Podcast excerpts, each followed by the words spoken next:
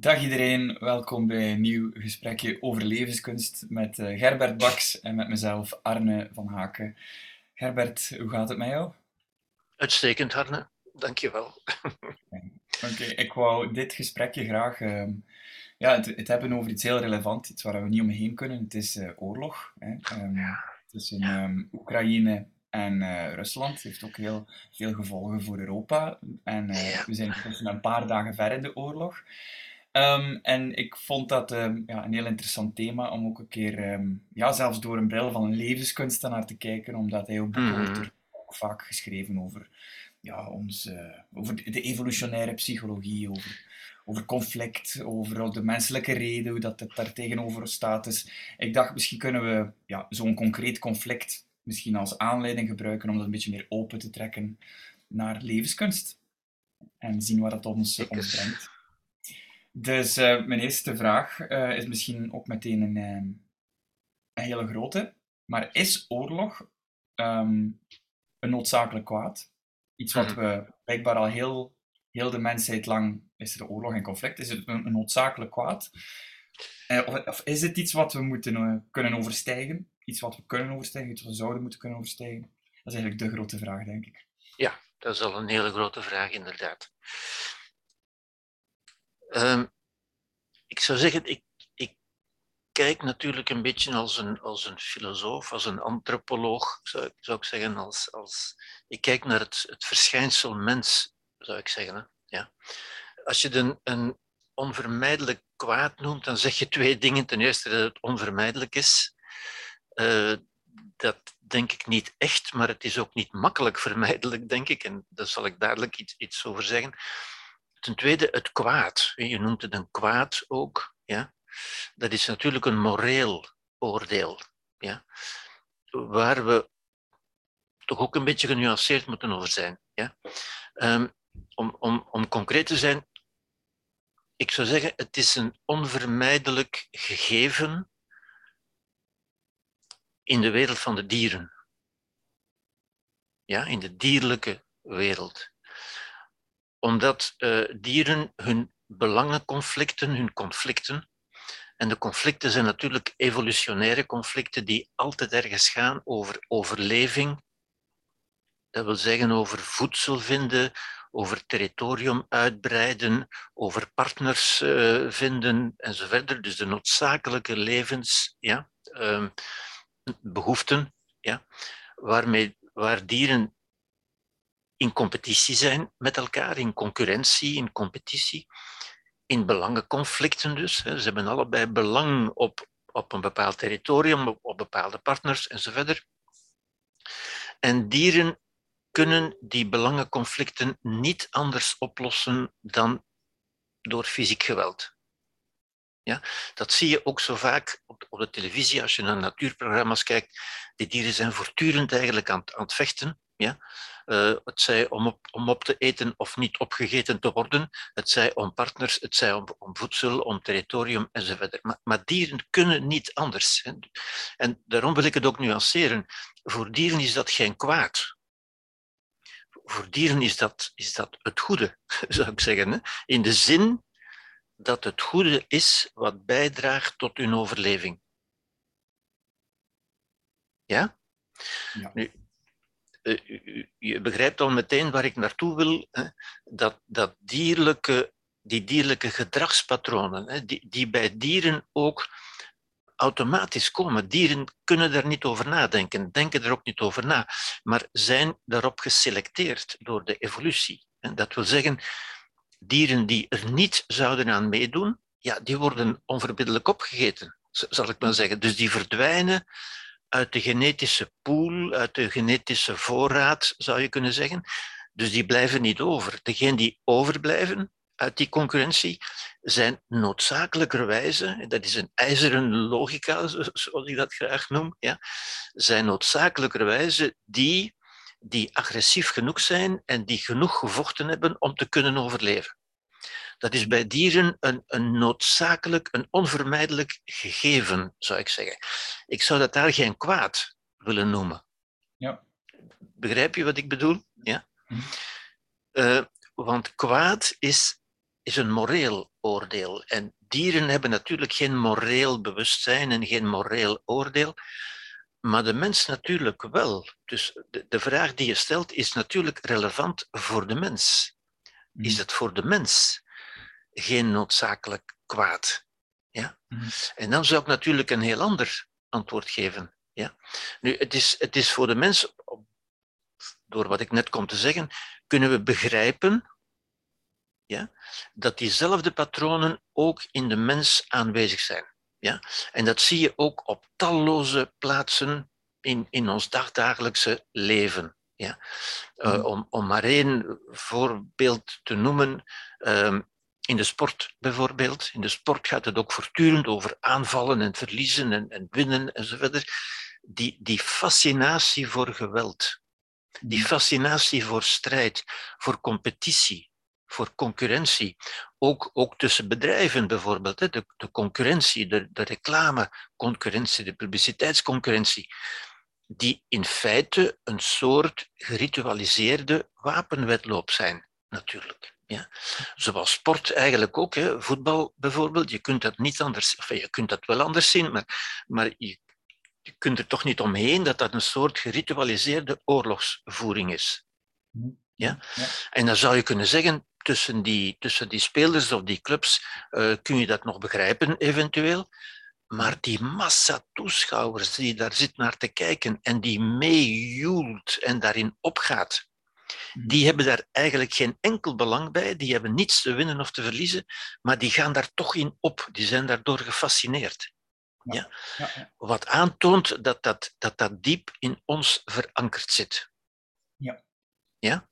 Uh, ik, ook, om nu maar even iets anders, wat, wat ik daarnet uh, nog hoorde, als je de, de radio, nieuwsberichten, de journaals of op televisie kijkt, ja, ik, ik hoor nu net, en ik, ik erger me er eigenlijk altijd aan, ik verontwaardig me daar een beetje in, je hoort op dit ogenblik die, die, die ellendige toestanden in Oekraïne, hoe dat volk, hoe die mensen, hoe die individuen daar lijden en afzien, ja? En toch in het nieuws wordt dat dan kort gezegd, en dan nu de sport zonder enige overgang en dan nu de sport. En dan hoor je over fietsers die door de modder rijden, veld, uh, veldcross of wat ik veel, en, en voetbalclubs en trainers en coaches enzovoort. En daar wordt bijna meer aandacht aan besteed dan aan het concrete lijden van mensen. Ja? En het ergste van al, dat, dat is zo. Waarom is dat zo? Niet omdat de, de, de radio of de journalisten zo verkeerd zijn, maar omdat het publiek dat vraagt. Ja? Het ergste is nog dat wij dat normaal vinden. Dat daar niemand op, op reageert. Ja? ja. Enfin, goed. Dit maar om te zeggen dat dat diep in ons zit. En dat zie je eigenlijk ook in alle mogelijke menselijke conflicten. Ja? Om, om de meest in toog te springen, waar, waar ik ook regelmatig mee te maken heb, enfin, niet persoonlijk, maar bij de mensen die ik zie, zijn echtscheidingen bijvoorbeeld. De, de zogenaamde vechtscheidingen die meer regel dan uitzondering zijn. Ja? Maar ook de, de, de, de, de discussies, de ruzies tussen mensen, de burenruzies, de ruzies bij de verdeling van erfenissen enzovoort. enzovoort. Het vechten zit ons in, het, in de genen, zou ik zeggen. Ik wou bijna zeggen in het bloed, maar dat is, dat is niet waar. Het zit in onze genen natuurlijk. Hè. Het zijn aangeboren gedragspatronen. Ja? Dus we kunnen dat begrijpen. En daarom ook, ik wil dat toch ook even, bijvoorbeeld in, in racisme en kolonialisme enzovoort enzovoort, vinden we dat eigenlijk allemaal terug. Het recht van de sterkste, uiteindelijk. Ja? En daarom moeten we ook zeggen, denk ik, de, de stemmen die opgaan, want er zijn natuurlijk nog mensen over verontwaardigd, en die zeggen dan soms van, dat, moet, dat moeten we gaan bestrijden. Ja? Dus ja, hoor je, ook daar zit al het, het bevechten in de oorlogsretoriek. Hè? Ik, ik, zou zeggen, als je de oorlog verklaart aan de oorlog, dan ben je nog altijd in oorlog. Hè? Je, kunt dat niet bestrijden uiteindelijk. Hè? Mhm. Of zeggen ze, ja, dat, dat moet stoppen. Hè? Ook, ook bij allerlei vormen van grensoverschrijdend gedrag enzovoort, die daar ook tot terug te brengen zijn. Hè? Dan zeggen ze, dat moet stoppen. Dat moet nu eens eens en voorgoed stoppen. We moeten dat uitroeien. We moeten hmm. dat met de wortel uittrekken. Dat is hmm. natuurlijk een illusie. Ja. Ja? Om de redenen die ik net heb gezegd. Wij worden daarmee geboren, zou ik zeggen. Ja? Dat is een vaststelling. Op zich is dat niet goed en niet slecht. Op zich heeft dat geen morele dimensie. Mhm. Ja? Omdat het gewoon een feitelijkheid is waar we niet omheen kunnen. Natuurlijk, bij de mens komt er een aspect bij. Ik heb u gezegd, dieren kunnen niet anders. Een mens kan wel anders, natuurlijk. Ja? Een mens heeft een bewustzijn, kan nadenken over zijn gedrag, over wat hij doet en niet doet, kan daarover nadenken, kan daarin keuzes maken, kan dus ook verantwoordelijk worden gesteld, eh, en zo verder. Ja? En dat is juist een morele dimensie. Ja? De morele dimensie is nadenken over of iets wat ik zou kunnen doen. Ja, ik, ik, ik kan mijn buurman op zijn gezicht slaan, ik, ik zou dat kunnen doen. Maar de vraag is, ga ik dat ook wel doen? En zie je, dat is, de, dat is het nadenken. Daar komt de moraliteit bij. Ja. Is dat ook iets goeds om te doen? Is dat verstandig om te doen? Ga ik dat wel doen? Wat zijn de gevolgen? En zo verder. Ja? Dat is het morele nadenken. En daar komt de morele dimensie van de mens natuurlijk uit. Ja?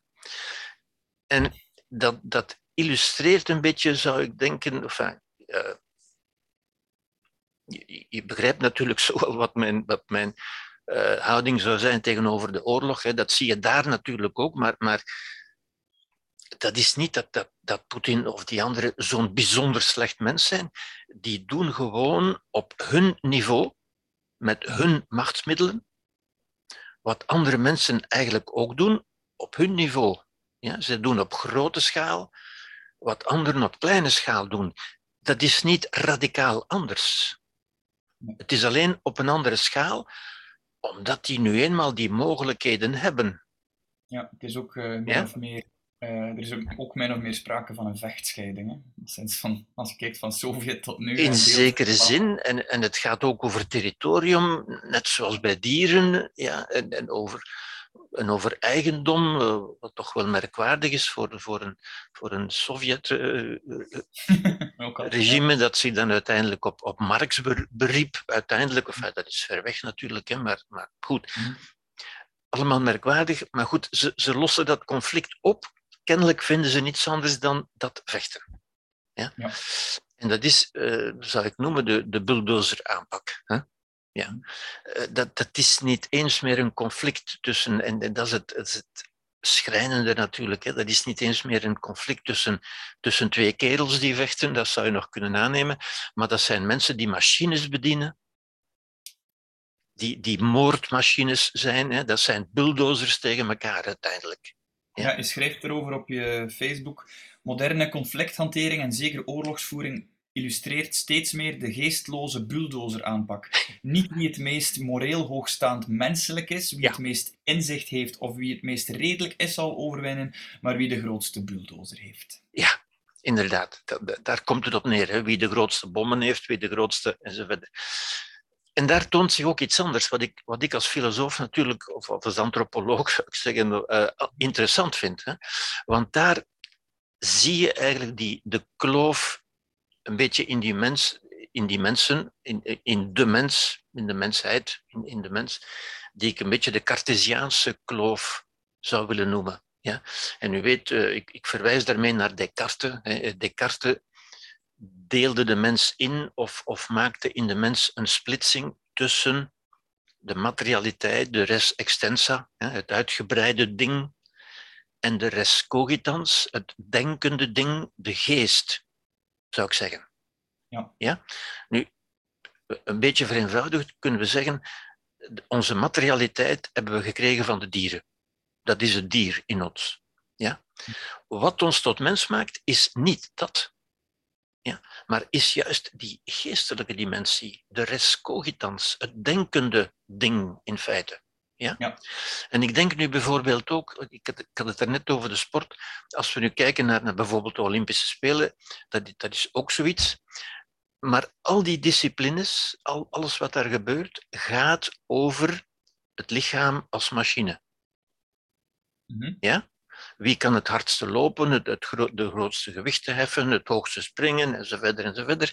Allemaal over de res extensa, zou ik zeggen. Ja?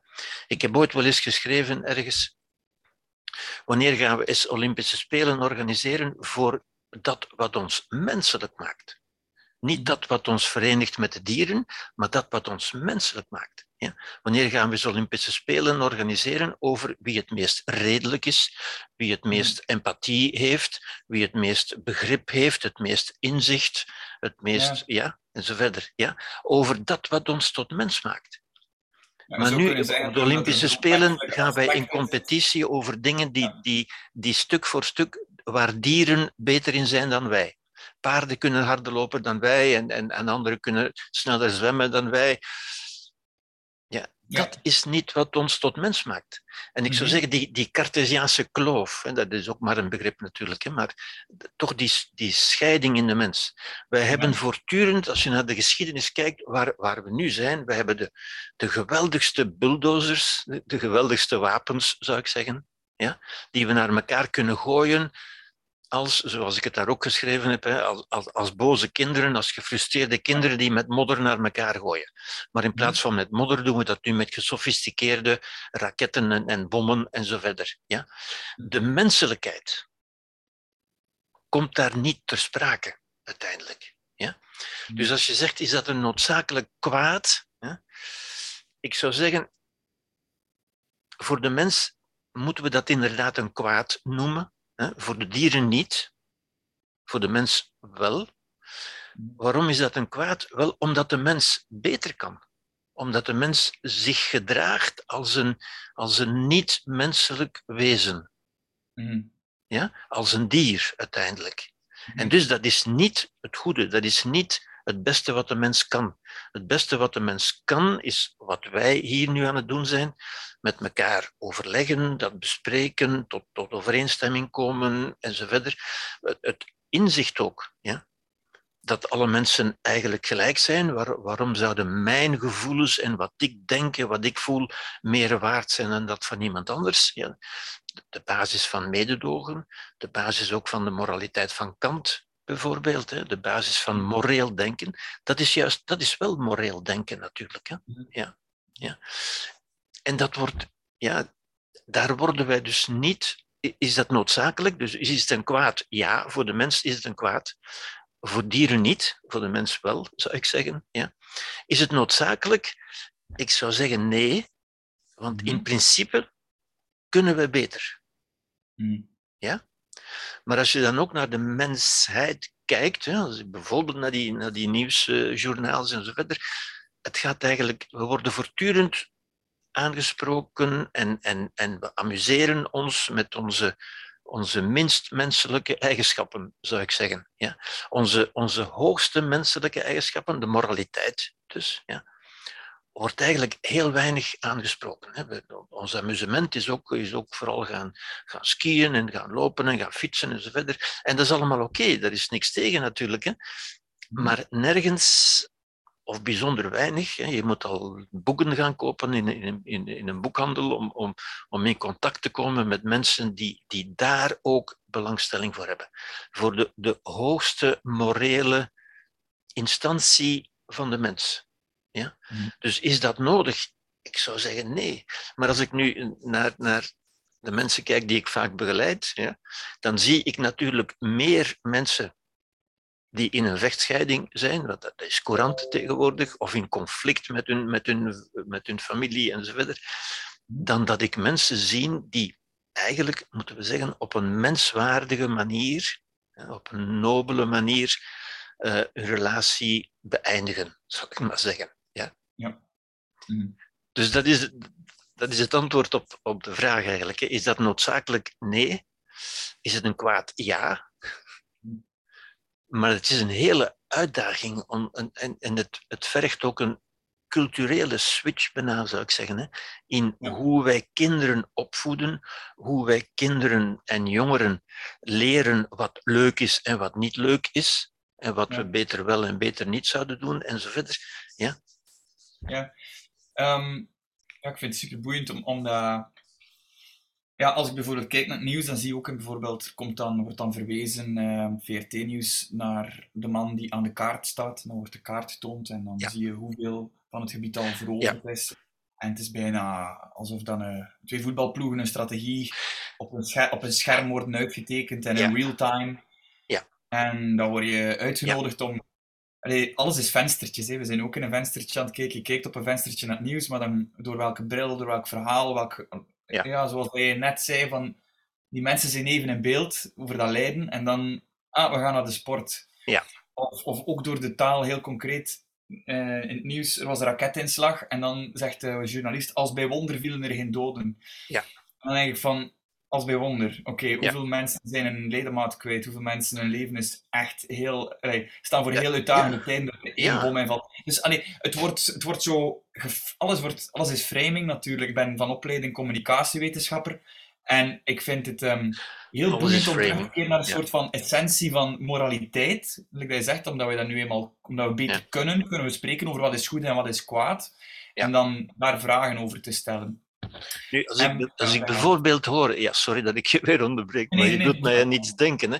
Als ik hoor als, als een van die, die, die miljonairs, uh, topvoetballers, uh, zijn enkel verstuikt, dan wordt daar dagen aan elkaar aandacht aan besteed van, van of hij wel zal kunnen dit of dat.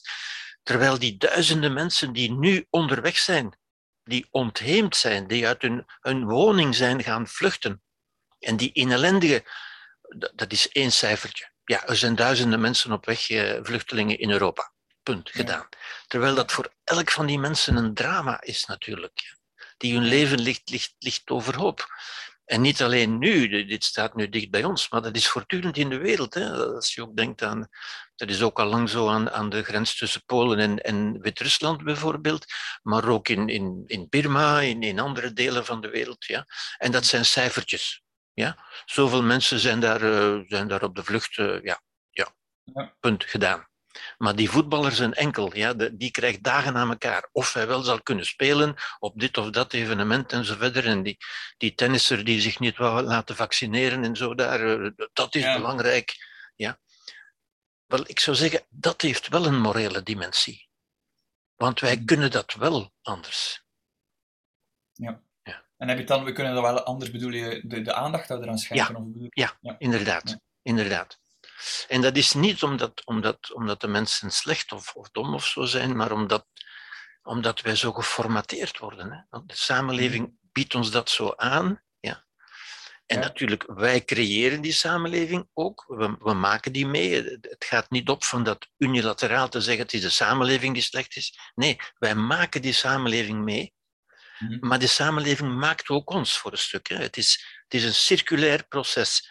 Ja, ja. Waar het niet op aankomt van iemand de schuld te geven, maar wel om dat te begrijpen. En, en ja, ik zou zeggen, dat aan steeds meer mensen duidelijk te maken en dat steeds meer mensen dat ook zouden verontwaardigd zijn en bijvoorbeeld naar de ombudsman van de VRT zouden schrijven van dat kan toch niet, uh, dat, dat, je zoveel ellende en dan onmiddellijk uh, die, die, die coureurs die door de modder gaan, gaan rollen en zo verder, dat, dat dat dan even belangrijk zou zijn. Ja. Mm -hmm.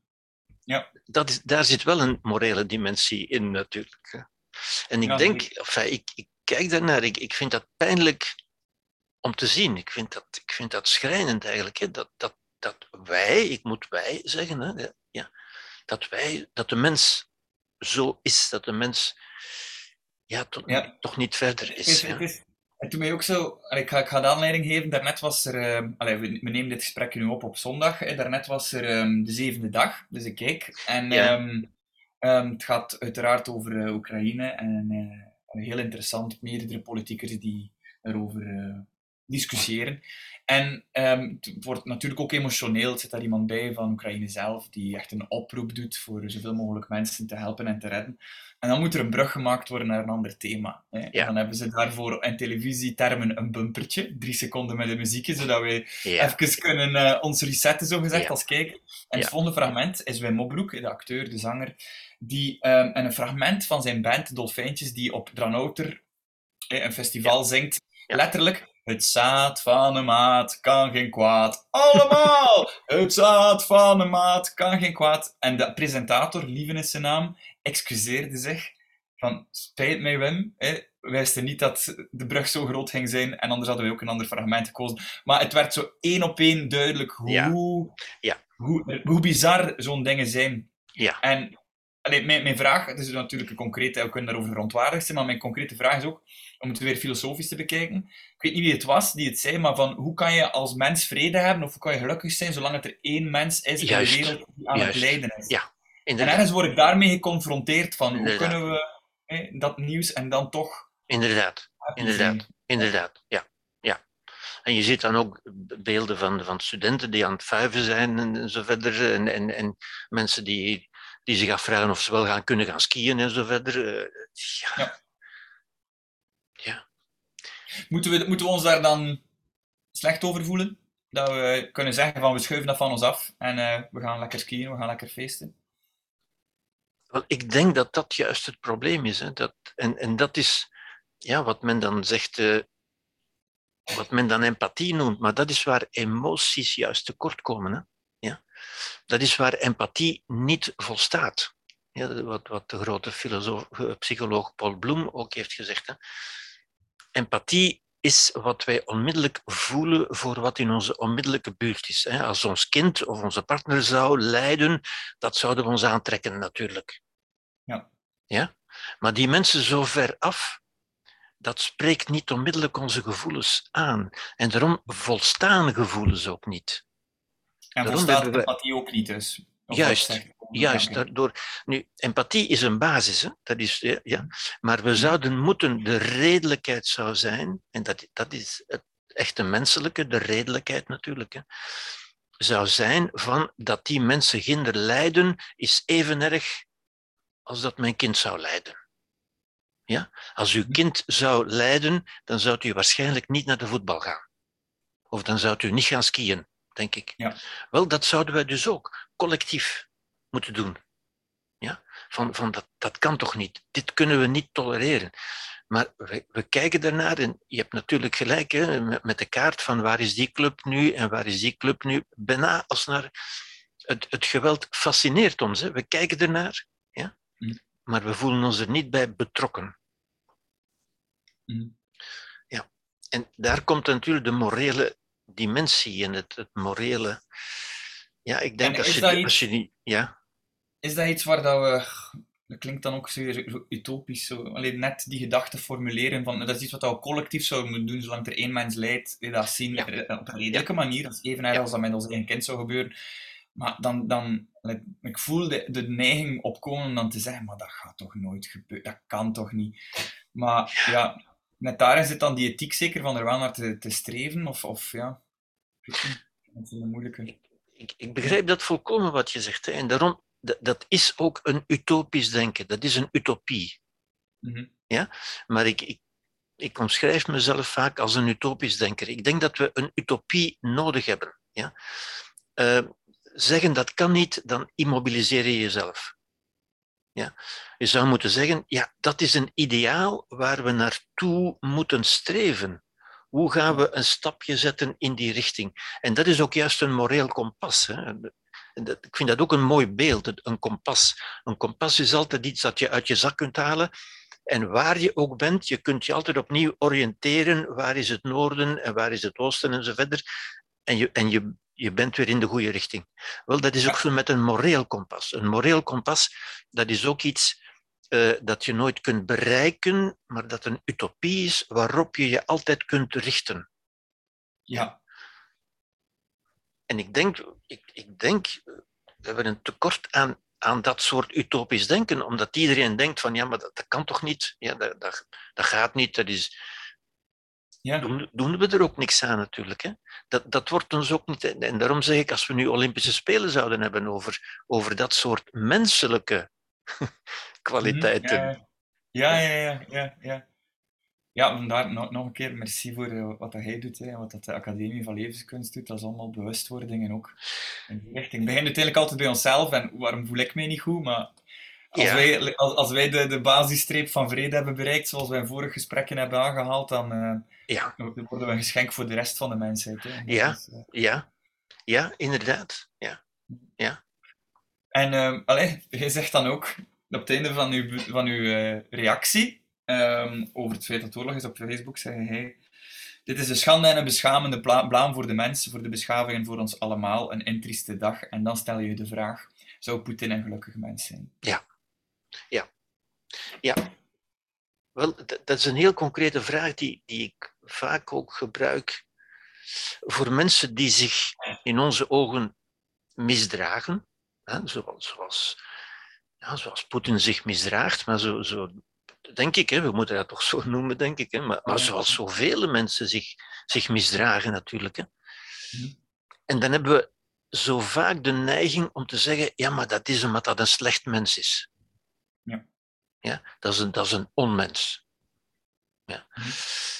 Ik denk dat dat, dat dat niet waar is. Ja? En ik, ik denk dat is een mens die zo geworden is, ja? op een bepaalde manier, die heeft zich zo gemaakt in zekere zin. En, en dat, dat is ook boeiend om over na te denken. Hè? Zoals, zoals wij bijvoorbeeld door bewust kweken en telen bepaalde hondenrassen gemaakt hebben, mhm. die totaal misvormd zijn, maar die wij, die wij leuk en mooi vinden, en bepaalde kattenrassen en, en zo verder, ja? Mhm. door onze keuze. Ja, ja, ik heb zelf een naakt kat rondlopen, ik weet wat je bedoelt. Ja, ja, ja. ja. Maar ook, ook met duiven en zo. Hè. Daar weten we dat we die eigenschappen kunnen kweken, kunnen telen, doordat we die selecteren. We nemen daar een beetje de plaats in van de evolutie. Dat is wat, wat Darwin ook methodische selectie noemde. In plaats van natuurlijke selectie, menselijke selectie.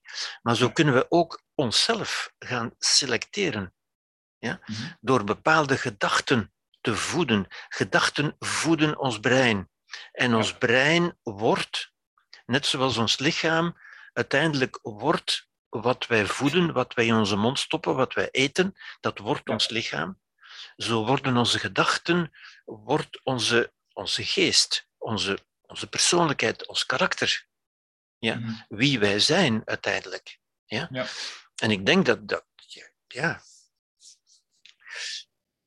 maar ik vind het, allez, je zegt van veel mensen noemen dat een onmens of uh, iemand een gek. Of, yeah. En dat zijn allemaal termen die uh, heel hard afstand scheppen tussen hem en wij, waardoor dat wij natuurlijk ook een beetje daar zelfreflecterend vermogen verliezen van waar, waar zit dat klein stukje Poetin in mij, de kerel die ook een vechtscheiding heeft, die geen tank heeft om een land binnen te vallen. Ja, inderdaad. En, ja, we, ja we, inderdaad. we gooien veel weg door gewoon te zeggen van dat is een gek, een, een zot, een onmens. Uh, ja. ja. Ook dat komt uit ons biologisch uh, erfgoed natuurlijk. Hè. In, in, in, de, in de natuur moet je niet gaan nadenken, uh, ja, maar zit er ook niet een stukje tijger in mij als je antiloop bent? dan moet je gewoon gaan lopen. Hè. ja. Maar wij als mens kunnen, kunnen toch beter zien in feite. Hè. En de oefening die, die ik vaak maak voor mezelf en die ik soms ook enfin, regelmatig ook aan mensen voorleg, als mensen zo komen klagen, en dat is vaak zo in, in een vechtscheiding, hè, want met een partner, je moet eens horen wat hij allemaal gedaan heeft en, en zo. En dat is een slecht mens. Of tegenwoordig wordt het dan een beetje weggemoffeld in, in pseudo-wetenschappelijke uh, termen van ja, maar dat is een narcistische manipulator. Ja, ja, ja een bipolaire narcist met een ja, voilà, voilà, voilà. Ja, ja, ja, zie je? En dat is ook die, die wegzetten. Hè. Dat is een gek, dat is een gevaarlijk mens en zo verder. Ja? Maar dan denk ik, dan denk ik vraag u eens af, stel u eens voor, of stel u de vraag, zou een gelukkig mens dat ook doen? Ja? En dan wordt er bijna onveranderlijk gezegd, nee. ja? Als je begrijpt dat een gelukkig mens dat niet zou doen, waarom doet hij het dan wel? Wel omdat hij ongelukkig is. Ja? En hmm. waar zie je dat gedrag bijvoorbeeld? En dat is altijd zo interessant om daarover na te denken. Wel, dat gedrag, naar het voorbeeld waar ik altijd naar teruggrijp, een beetje, een beetje, een beetje ridicuul, een beetje infantiel en toch zo veelzeggend, ja? Hm. dat is een klein kind dat zijn bonbon niet krijgt. Ja. En die geeft zijn mama een schop. En die zegt, stoute mama. Mhm. Dat, dat, is de basis, dat, dat gedrag. Dat kind denkt daar niet over na. Dat kind heeft geen moraliteit, heeft geen morele dimensie. Ja. Dat kind handelt spontaan. Dat wat mij doet lijden, want ik krijg mijn bonbon niet, ik zal die ook doen lijden. Ik geef die een stamp. Een stamp tegen zijn moeder en, en tegen de meubelen en dat kind. Ja? Wel, dat gedrag zit ook in ons. En dat is een beetje denk ik, wat je nu Poetin, uh, Poetin ziet doen. Hè? Die, die schopt om zich heen. Die is gefrustreerd, die is boos en die schopt om zich heen. En die gebruikt natuurlijk de middelen, uh, kolonnes van tanks en vliegtuigen en, en bommen, die de gewone mens niet heeft, maar die hij wel heeft. Maar dat maakt het niet essentieel verschillend. Ja? Je zou alleen moeten zeggen, je zou alleen kunnen zeggen, we zouden mogen verwachten dat een mens in zo'n hoge positie een meer moreel en verantwoordelijk gedrag heeft. Ja, ja. Absoluut. Dat zouden we mogen hopen, hè? Dat, dat, we, dat we onze beste mensen, de meest ontwikkelde, de meest menselijke mensen, verkiezen naar de leidersfuncties. Ja. ja. ja. Dat is helaas dus niet zo. En, dat uh, is zeker niet altijd zo. Zeker niet zo nu. En toen mij zo denken aan um, die parabel van, uh, die jij ook uh, verteld hebt in je lezingen over uh, boeddhisme, van de monnik die een schorpioen wil helpen en de schorpioen steekt de, de monnik, ja. maar dat helpt de monnik niet tegen van de schorpioen te helpen, alleen van voorzorgen te nemen en die schorpioen met een blad ja. uit het water te helpen in plaats van. En daardoor niet gestoken te worden. En de les, de morele les is van het is niet omdat iemand jou pijn doet dat jij jouw eigenheid, je, jouw natuur daarvoor moet veranderen als jouw natuur is Juist. te willen helpen. Juist. Nu, toegepast op wat er nu gebeurt. Poetin is de schorpioen die aan het steken is. Jij weet van dat is geen onmens, maar die moet wel gestopt worden, want hij is heel veel andere mensen, alleen tegen de menselijkheid, tegen de mensen zelf, ja. uh, tegen de mensheid zelf kwaad aan het doen. Hè? Zo zou je het wel kunnen zeggen. Dus in dat opzicht is oorlog, de reactie op de oorlog van Poetin, een noodzakelijk goed de, ik wil zeggen, we moeten die stoppen. Ja. En op dat moment moeten we niet zeggen, dat is een tijger. Hoe, allee, zoals hij zei, de antiloop moet op dat moment niet reflecteren over wat, hoe zit dat met de tijger en mij. Die antiloop moet lopen. Dus, dus wij als NAVO of, of, of Oekraïne zelf, laten we zeggen, Oekraïne zelf, die nu, de, de burgers, mensen zoals jij en ik, die nu verplicht worden, bij manier van spreken, om de, de, de, de wapens op te nemen. Op dat vlak is dan die reactie wel goed? Of is dat iets wat je ja, ik, ik, denk dat die weinig andere keuze hebben natuurlijk. Hè. En, en dan zie je weer, denk ik, de, de, de enorme morele verantwoordelijkheid van Poetin, hè, die dat allemaal in gang heeft gestoken uiteindelijk. Hè. Ja. Al dat leed dat hij heeft aangebracht.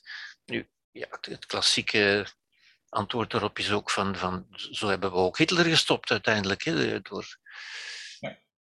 Ja. Ik denk het, het enige verdedigbare geweld is ook het geweld dat, dat, dat bedoeld is en dat soms niet anders kan, om te beschermen, om leven te beschermen. Ja? ja. Om jezelf te beschermen. Ja. ja? Ik, vind, uh, ik vind wel blij dat je zegt, want dat is ook iets zo'n beetje, zeker in, in, de veilige maatschappij waarin we opgegroeid zijn, wordt er soms gezegd tegen kinderen of tegen volwassenen, geweld is nooit het antwoord.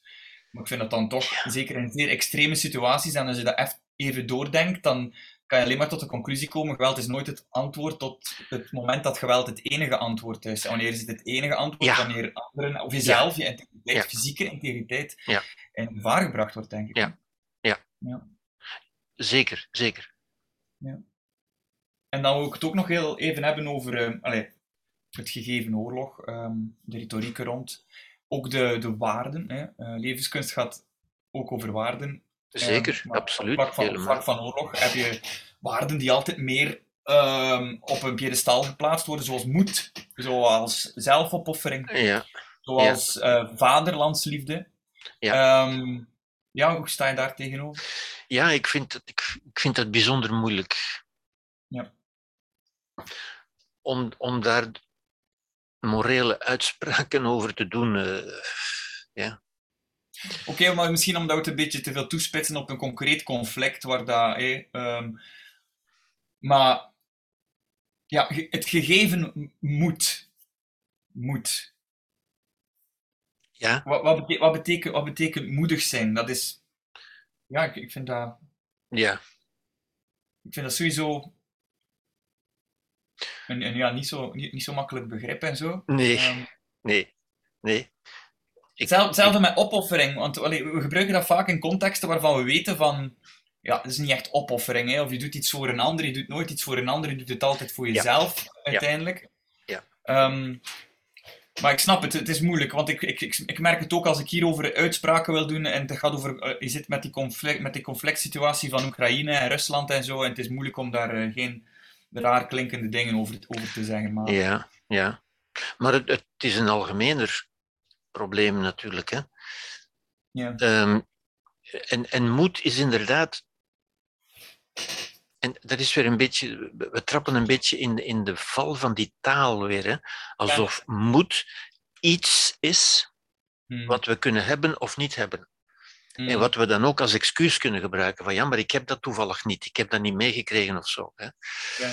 Ik denk dat moed ook iets is wat, wat je doet ontstaan als je gemotiveerd bent.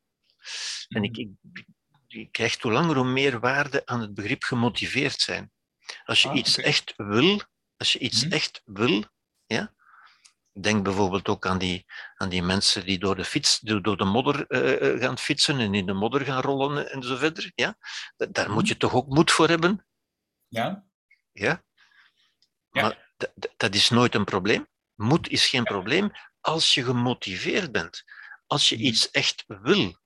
Niemand Mhm. heeft moed tekort voor wat Mhm. hij wil. Ja? Eh, mijn, mijn tegenvoorbeeld is ook altijd. eh, je, je, kent toch, je hebt toch geen mensen ontmoet die gezegd hebben: Ik heb geprobeerd op vakantie te gaan, maar ik ben maar teruggekomen, want ik had geen moed meer.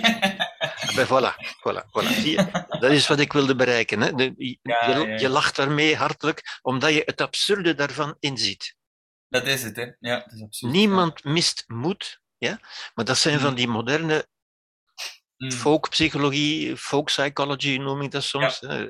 de psychoblabla de la rue, eh, waardoor mensen zich kunnen excuseren of, of kunnen achter verschuilen. Zo, ja? Ja, Het is ja. ook zoals eh, zelfvertrouwen en, en zelfbeeld en discipline en zo verder. Mm. Ik ken geen mensen die op vakantie zijn gegaan en die terugkwamen met de, of die halverwege omkeer maken zeggen ja, ik heb geen zelfvertrouwen meer. Ja. Als je iets echt wil, wa- wat zeggen die mensen? Hè? Het, het mag kosten wat het wil. Hè? Alle omleggingen en verkeersopstroppingen en, en nachten in de luchthaven, dat was allemaal heel vervelend, zeggen ze, maar we wilden aankomen. Ziet u, Ja. dat is motivatie.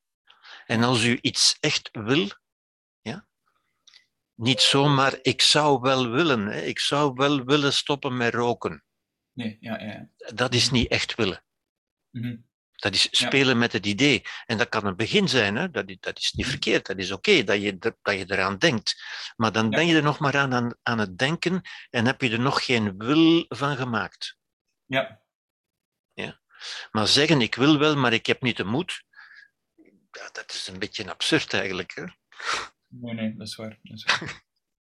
Ehm, Ja. ja, allee, ik zat gewoon te denken, niet, niet noodzakelijk inderdaad aan de waarden op zich, maar meer aan de oorlogsretoriek. De oorlogsretoriek en in die context het woord Ja. opoffering, je moet als man je land verdedigen. Maar let op, en die mensen doen dat ook vanuit een oprechte eigen keuze en eh, vaderlandsliefde en zo. Het zijn allemaal moeilijke concepten en Dat zijn moeilijke concepten, ja. Maar ik, ik hoor ze wel, nu in het nieuws, ik hoor ze wel, eh, terwijl de kaart getoond wordt met de verschillende kampen en de, de wedstrijd die bezig is, laat het ons zo noemen.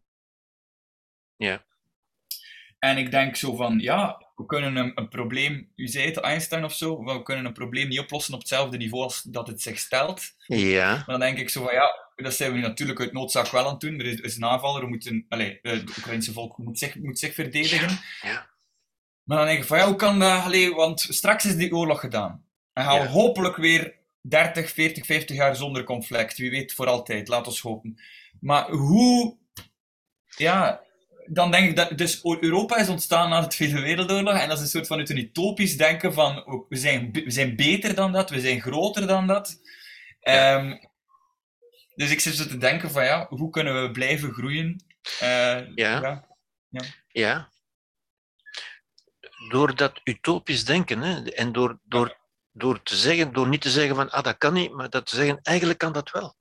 Ja? Of we kunnen althans een stap in die richting zetten. Ja?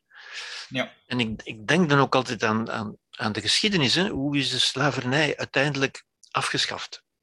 Ja? Mhm. Of althans afgeschaft, of althans zo geworden dat we dat niet meer kunnen aanvaarden.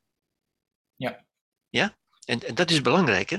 Er, er was een tijd dat men dat normaal vond En men aanvaarde dat. En sommige slavenhandelaars vonden zich ook een goed mens, omdat ze goed waren naar hun slaven.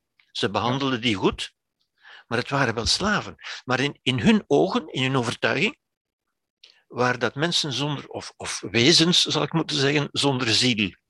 Dat waren eigenlijk, en als je dat zo ziet, ja, dan heb je het recht, hè, zoals wij koeien en varkens houden, en ook dat zijn wezens, dat zijn geen echte mensen. De moment dat wij gaan beseffen, en dat is bewustwording, de mensen dat wij gaan beseffen, van eigenlijk zijn dat wel mensen zoals wij. En dat weten we nu uit alle mogelijk onderzoek, wetenschappelijk en filosofisch. Eh, die, die, die mensen verschillen in niets van ons, tenzij in prullen, zoals de huidskleur of, of het gekroezelde haar of zoiets. Maar eigenlijk zijn het dezelfde mensen. Ja? En dat inzicht, daardoor gaat de meerderheid uiteindelijk denken, dat kunnen we toch niet meer aanvaarden. Ja. Zie je, die, die omslag in het bewustzijn, in het collectieve bewustzijn. Ja. ja? Ik denk dan ook aan, aan de Franse Revolutie bijvoorbeeld. Hè. Die is mhm. begonnen met een aantal denkers die, die zeggen, ja, maar dat kan toch niet blijven duren op die manier en zo verder. Ja? Tot het een soort bewustzijn werd, collectief. Tot men collectief is gaan zeggen van, ja, dat, dat kan toch niet meer. Ja? En je zult misschien zeggen, of mensen zeggen dan, ja, maar er bestaat nog slavernij, en dat is waar. Maar het bewustzijn is nu dat dat eigenlijk niet te aanvaarden is. Terwijl het vroeger als normaal werd gezien. En dat is het grote verschil. Ja, de slavernij die er nu is, wordt verdoken. Wordt, wordt, want, want men durft dat niet meer, men kan dat niet meer zeggen. Ik heb slaven, dat, dat kun je niet meer zeggen. Ja, ja, ja.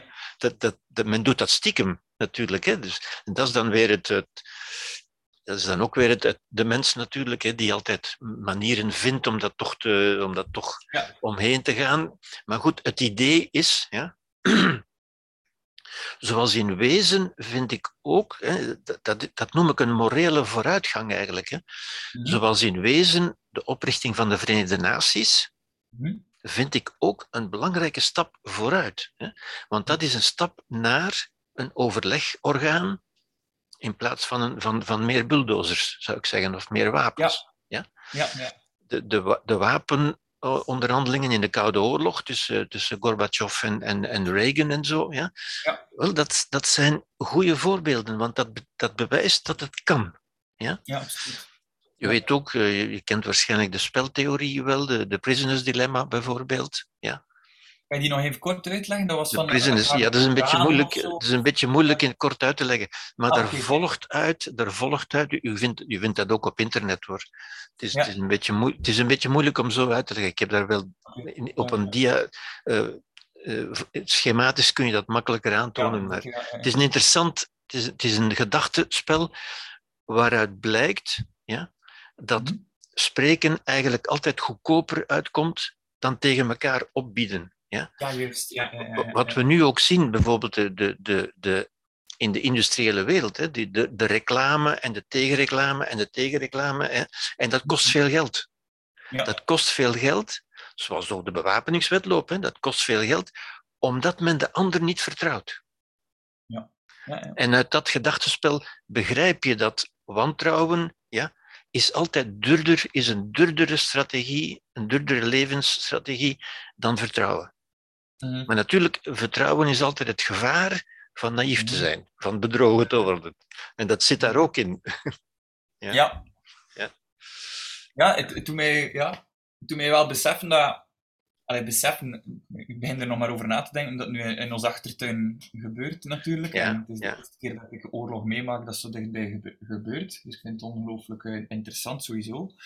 Um, maar doe je ook beseffen dat er zo, alleen voor mij dan, ik spreek voor mij, hè, dat is geen, waar, geen waarheid of zo.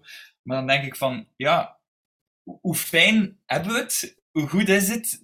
Allee, hoe, hoe fantastisch en hoe dom, hoe, hoe, jammer dat het nu door Poetin of whatever uh, op, allee, weer minder zou gaan.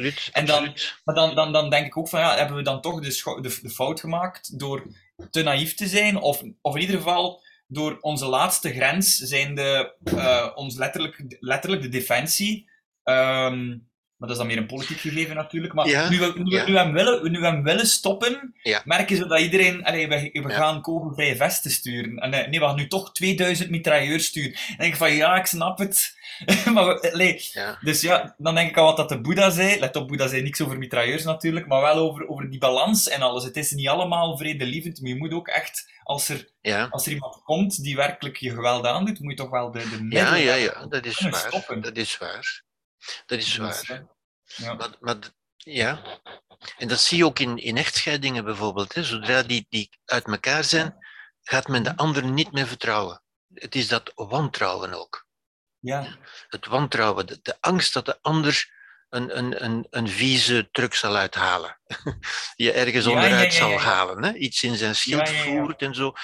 Dat is ook de basis van racisme. En ook dat komt uit de, uit de natuur natuurlijk. In de natuur weet je nooit wat de ander van plan is. En Ja. is wantrouwen gerechtvaardigd. Dat vertrouwen is juist de basis van, van mededogen. Van, van te zien, ja, die ander is ook maar een mens, uiteindelijk. hè. ja. En, en, Maar en inderdaad, ja, Poetin, ik, ik zie hem als een, als een boos en gefrustreerd kind, hè, die, die, die schopt. Ja? Ja. Die voelt zich tekort gedaan, die heeft zijn bonbon niet gekregen en die schopt nu. absoluut. Ja, dus het is ook, ook zo interessant wat je net zei van dat vertrouwen. Hè. En Ja. ik ook, het begint toch... Nu hebben we het weer over individuen, en niet meer over landen en zo. Ik weet, het is een beetje ingewikkeld natuurlijk, maar ik vind het zo mooi omdat je dan ook zegt van, bijvoorbeeld na, na een vechtscheiding, hè, dat dat vertrouwen er niet is, maar dan komt het er toch ook weer op aan, zo in basis van, hoe kijk je ook naar jezelf? Van, ben, ben je iemand Ja. die, die gekwetst kan worden, en met andere woorden, zich ook moet beschermen, om gekwetst ook, en als ik jou vertrouw, kan ik gekwetst worden. Dus het komt er weer aan op. Dat, weer op die levenskunst staan. Allee, Ja, ja, dat is het altijd, inderdaad. Ja. inderdaad. Ja. Ja. Super interessant. Ja. Ja, goed Herbert. Ehm, kijk, ja, het was een poging om het een beetje over, over levenskunst te hebben, maar het ging over zoveel meer. Het is, ehm, het is iets heel nieuw voor mij ook om daar zo over na te denken, maar ik vind het weer eh, wonderlijk interessant om er over te mogen eh palaveren. En Ja. ik laat ons in elk geval hopen dat het eh, niet te lang niet meer duurt daar en zo. En ehm, Ja. bedankt dat ook zo'n thema's hier aan bod mogen komen. Hè, want Ah, ik denk dat het is waar, waar, natuurlijk. waar iedereen mee bezig is. Natuurlijk, dat, dat zijn toch essentiële thema's die ons moeten, moeten bezighouden. We kijken toch naar de mens. hè. Absoluut, absoluut. Oké, Goed, Gerbert, dan, dan wil ik je bedanken voor dit gesprekje. En, eh, ik dank je ook. Dank je ook, Arne. En we zien elkaar spoedig terug. Tot ziens. Zeker.